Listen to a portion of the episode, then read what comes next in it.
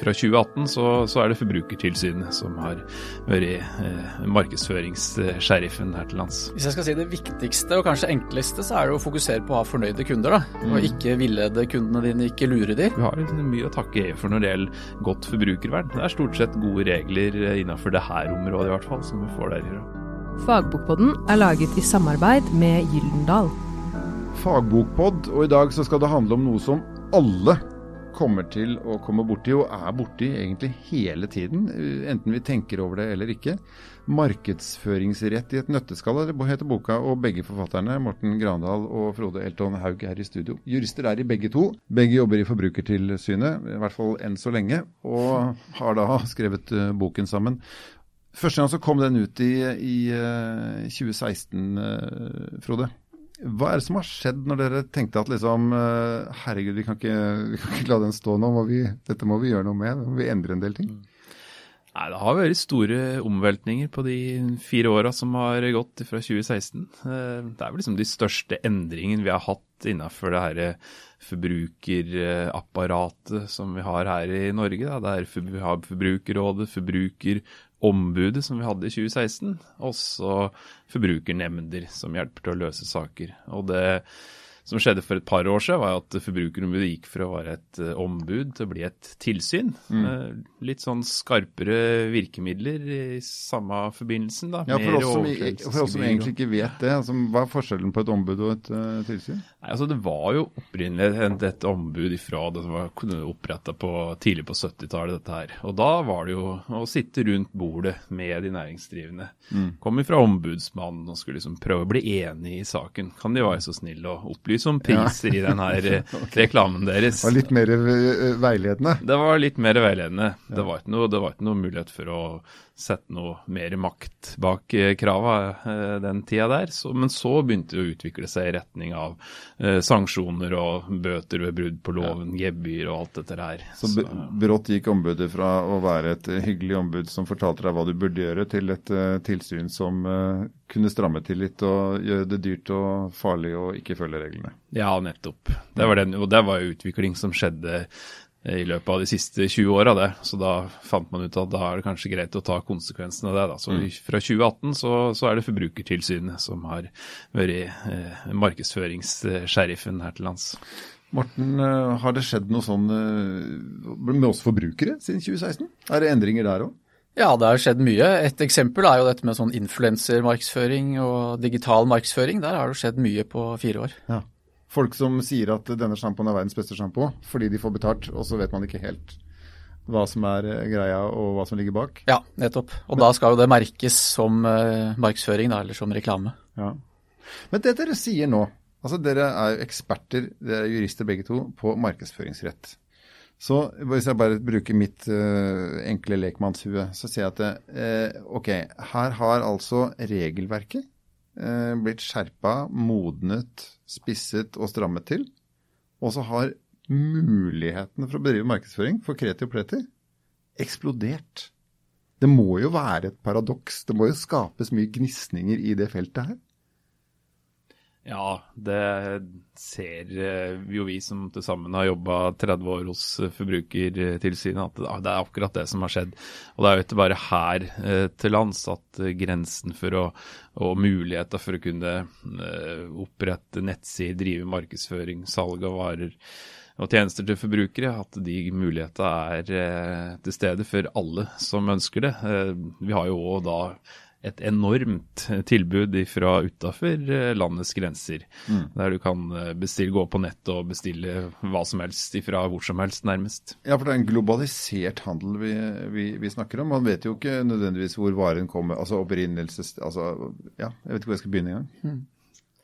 Nei, det er et ganske skal vi si, uoversiktlig bilde, dette her. Og det er jo litt derfor da at eh, man fra EU sin side har tatt tak i eh, den her materien og sagt at vi trenger i hvert fall innenfor EU, EØS, eh, noe felles kjøreregler. kjøreregler. Så det er jo det òg som er en av de store utviklingstrekkene nå de siste fire åra, egentlig de siste 15, eh, 15 åra, men veldig mye som har skjedd nå de siste åra. At EU er på banen og sier her må vi eh, gjøre ting eh, bedre for forbrukere ved å ha like regler i Europa, og ikke minst et effektivt apparat som håndhever og passer på og kan eh, bistå hvis det er noe krøll. Eh, Morten Grønvold, hvis man tar og eh, starter en nettbutikk nå, da kjøper man en template, eh, en pakke hvor man bare kan liksom flytte inn i den, og så er man oppe og står på en eh, halv dag eller to. Eh, hvis du skal liksom si at hva er det viktigste du på en måte skal ha i toppen av huet når du gjør noe sånt, hva, hva, hva er det? Hvis jeg skal si det viktigste og kanskje enkleste, så er det å fokusere på å ha fornøyde kunder. da, Og ikke villede kundene dine, ikke lure de. Og hvis du spiller med åpne kort og er, eh, har god kundeservice og setter deg inn i kundens sted, så er jo en del av disse reglene her egentlig ganske enkle å følge. Tenke utenfra og inn. Men idet du skal prøve å legge deg opp imot lovens ytterkant og prøve å gå inn i det litt vanskelige for å lure deg unna, da blir det ofte at man da trår feil og, og får misfornøyde kunder også. Men så er det noen som sier at ja, men det går jo ikke an å drive butikk hvis du skal følge alle reglene. Jo, det mener vi går veldig fint. Ok, så vi har, ja for det, det er jo viktig. altså Dere mener at det er, å følge alle reglene i kongeriket Norge og i EU, så kan man fortsatt drive sunn og god butikk. Ja, det mener vi absolutt. Og et eh, veldig enkelt eksempel er jo det med merkereklame. Det er jo superenkelt å bare si dette er annonse eller reklame.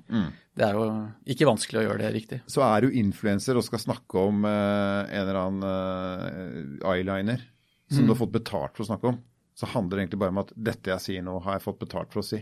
Så enkelt. Ja, Så du trenger ikke å gå inn i om du mener eller ikke. Nei. Og så kan du si at jeg mener etterpå. Ja. Da er det på for å si det òg. Ja, ja. Ja, men er, er det så enkelt at hvis du sier at si hva noe er, så er det greit? Ja, det er jo liksom det bærende prinsippet innenfor markedsføringsretten. Det er sånn der sannhetsprinsipp. Det er jo liksom det eldste forbudet som vi har med oss ifra, ifra flere tiår bakover i tid. At det skal være sant, det du, du kommer med. Det skal ikke villede og, og lure forbrukere eh, når du markedsfører varer og tjenester.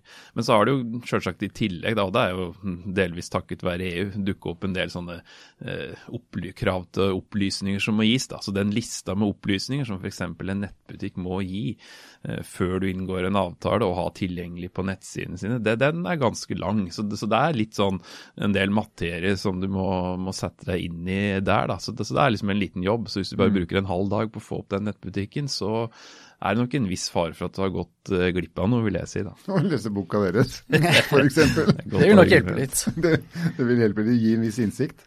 Men så er det også her en, en, en, en, en regel i loven som heter god forretningsskikk.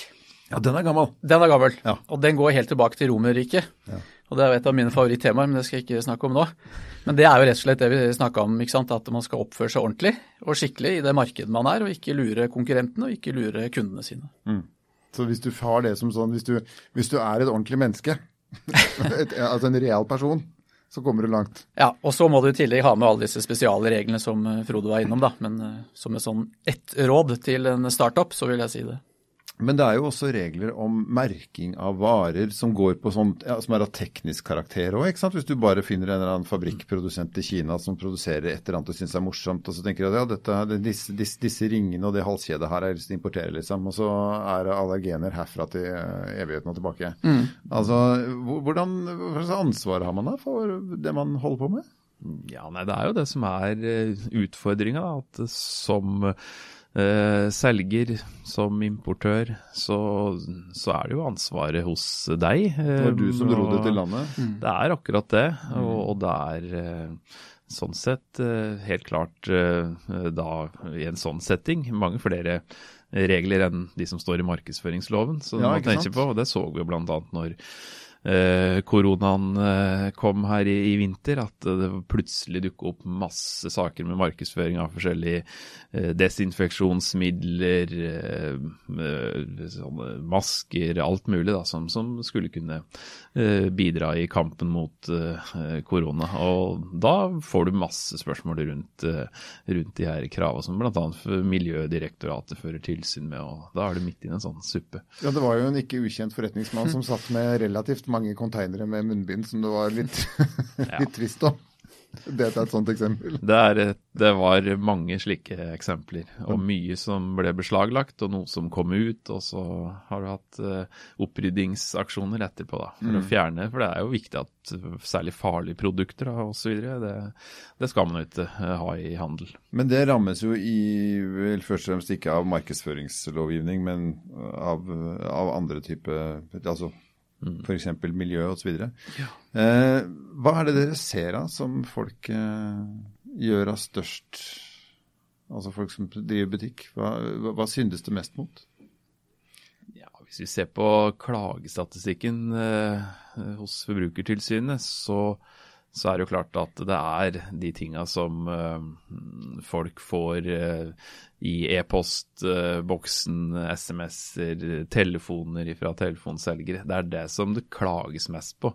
Det er det som, som irriterer mest. Og det er jo helt helt eh, åpenbart at det syndes mye mot de her eh, reglene som vi har, da, som, som egentlig skal sette, eh, den, sette den enkelte i stand til å styre i hva slags type markedsføringshenvendelser vi motta.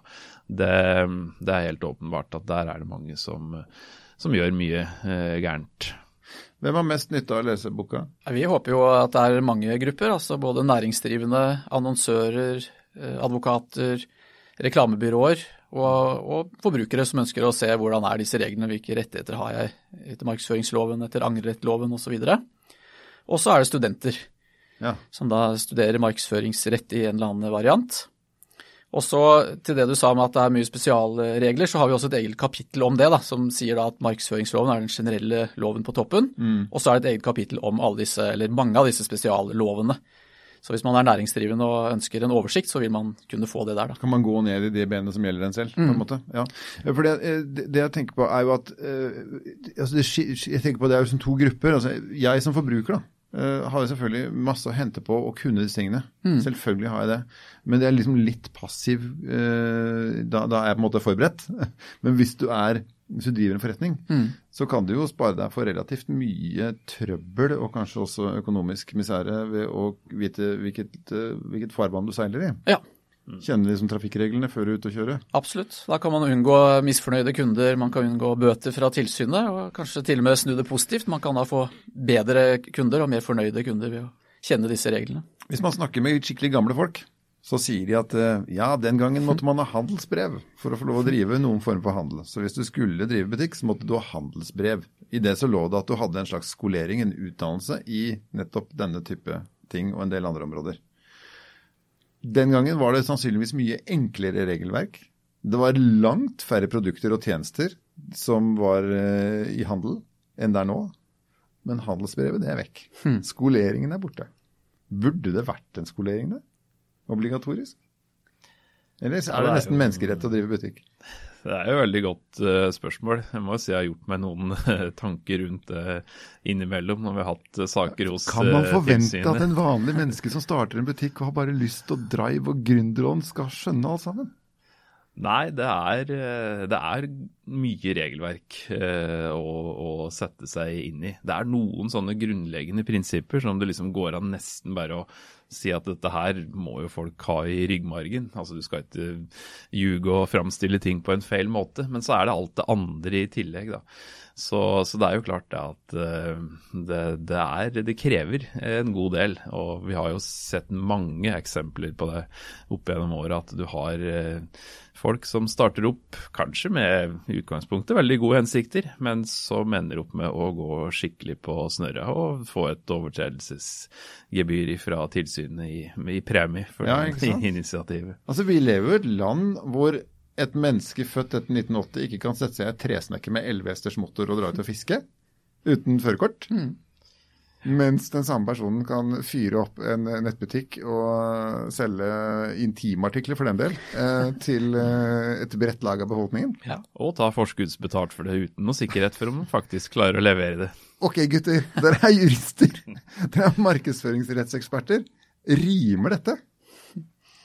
Nei, det er litt paradoksalt. Jeg har jo som sagt tenkt det en del eh, tilfeller. Men, eh, men, men. Vi har jo boka, da. 'Markedsføringsrettighet nøtteskall'. Så Og så er det kanskje sånn at kunnskap også er tilgjengelig i dag på en helt annen måte enn det det var tidligere. Altså, det er det. Hvis du, så det å pålegge enkeltmennesket et slags ansvar eh, i prosessen, men holder det, Morten? Altså, er vi flinke nok?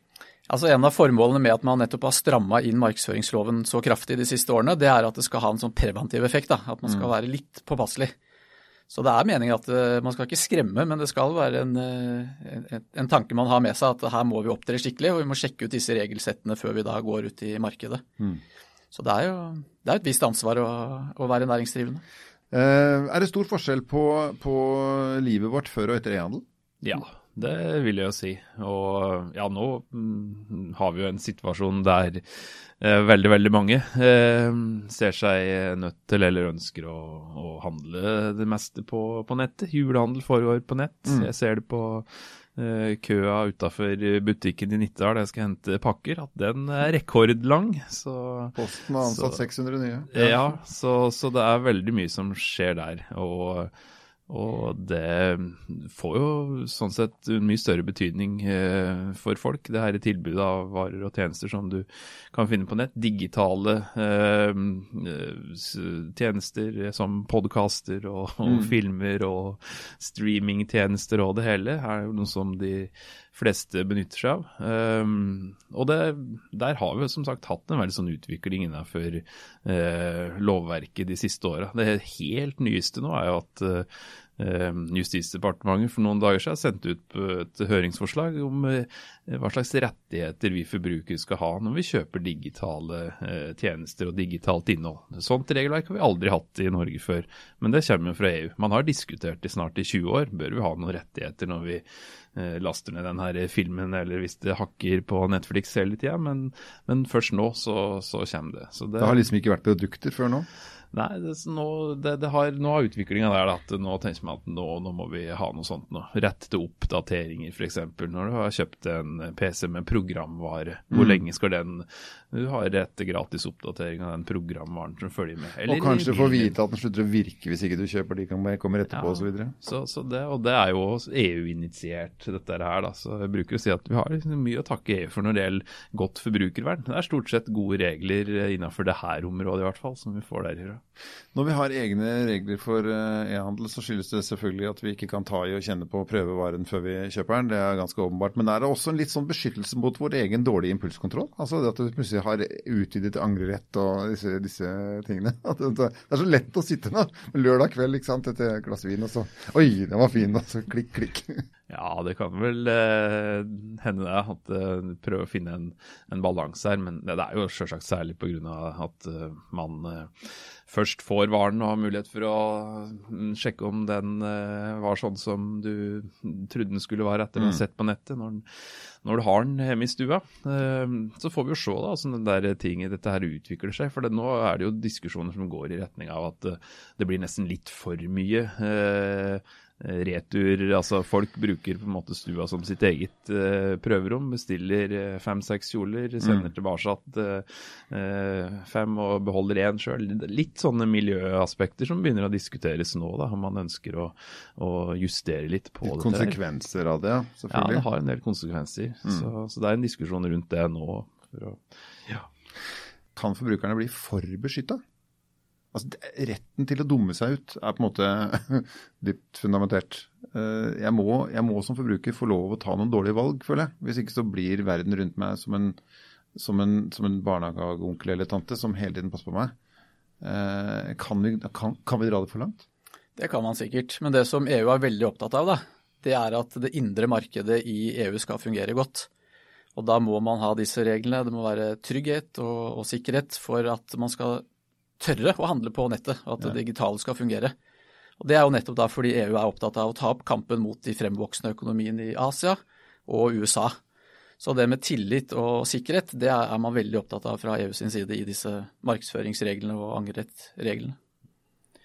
Ja, men kan kanskje òg skyte inn det at uh, det er jo noe som jeg har sett relativt uh, ofte i uh, klager som havner inn hos Forbrukertilsynet, at folk skriver nettopp det at oi, her, her, gikk det litt fort, det var på nettet, og så, nei, så plutselig så hadde jeg nå bare lagt inn kredittkortnummeret mitt på den her nettsida. Det skjønte jeg jo etterpå når jeg begynte å google at det var dumt, for det, her var det jo masse trøbbel. så, så, så det er jo liksom et av de hoved eh, råda som, eh, som, man kan finne hvis en går på nettsida til Forbrukertilsynet når du skal drive netthandel. At eh, Ta en liten sjekk på forhånd før mm. du oppgir kredittkortnummeret ditt og gjør den bestillinga for å sjekke om dette her er eh, Hva slags butikk er dette? Hva slags butikk er det du handler med? Ja. ja. Du er sannsynligvis ikke den Hvis du blir lurt her, så er du sannsynligvis ikke første, mm. første ut. Nei, nettopp. Nei, ok. Så litt uh, forbrukeransvar og uh, sette seg inn i markedsføringsrett, uh, gjerne da i et nøtteskall, så, så, er du langt på vei. Ja, mm. det vil vi jo si. Du har hørt Fagbokpodden, som er laget i samarbeid med Gyldendal.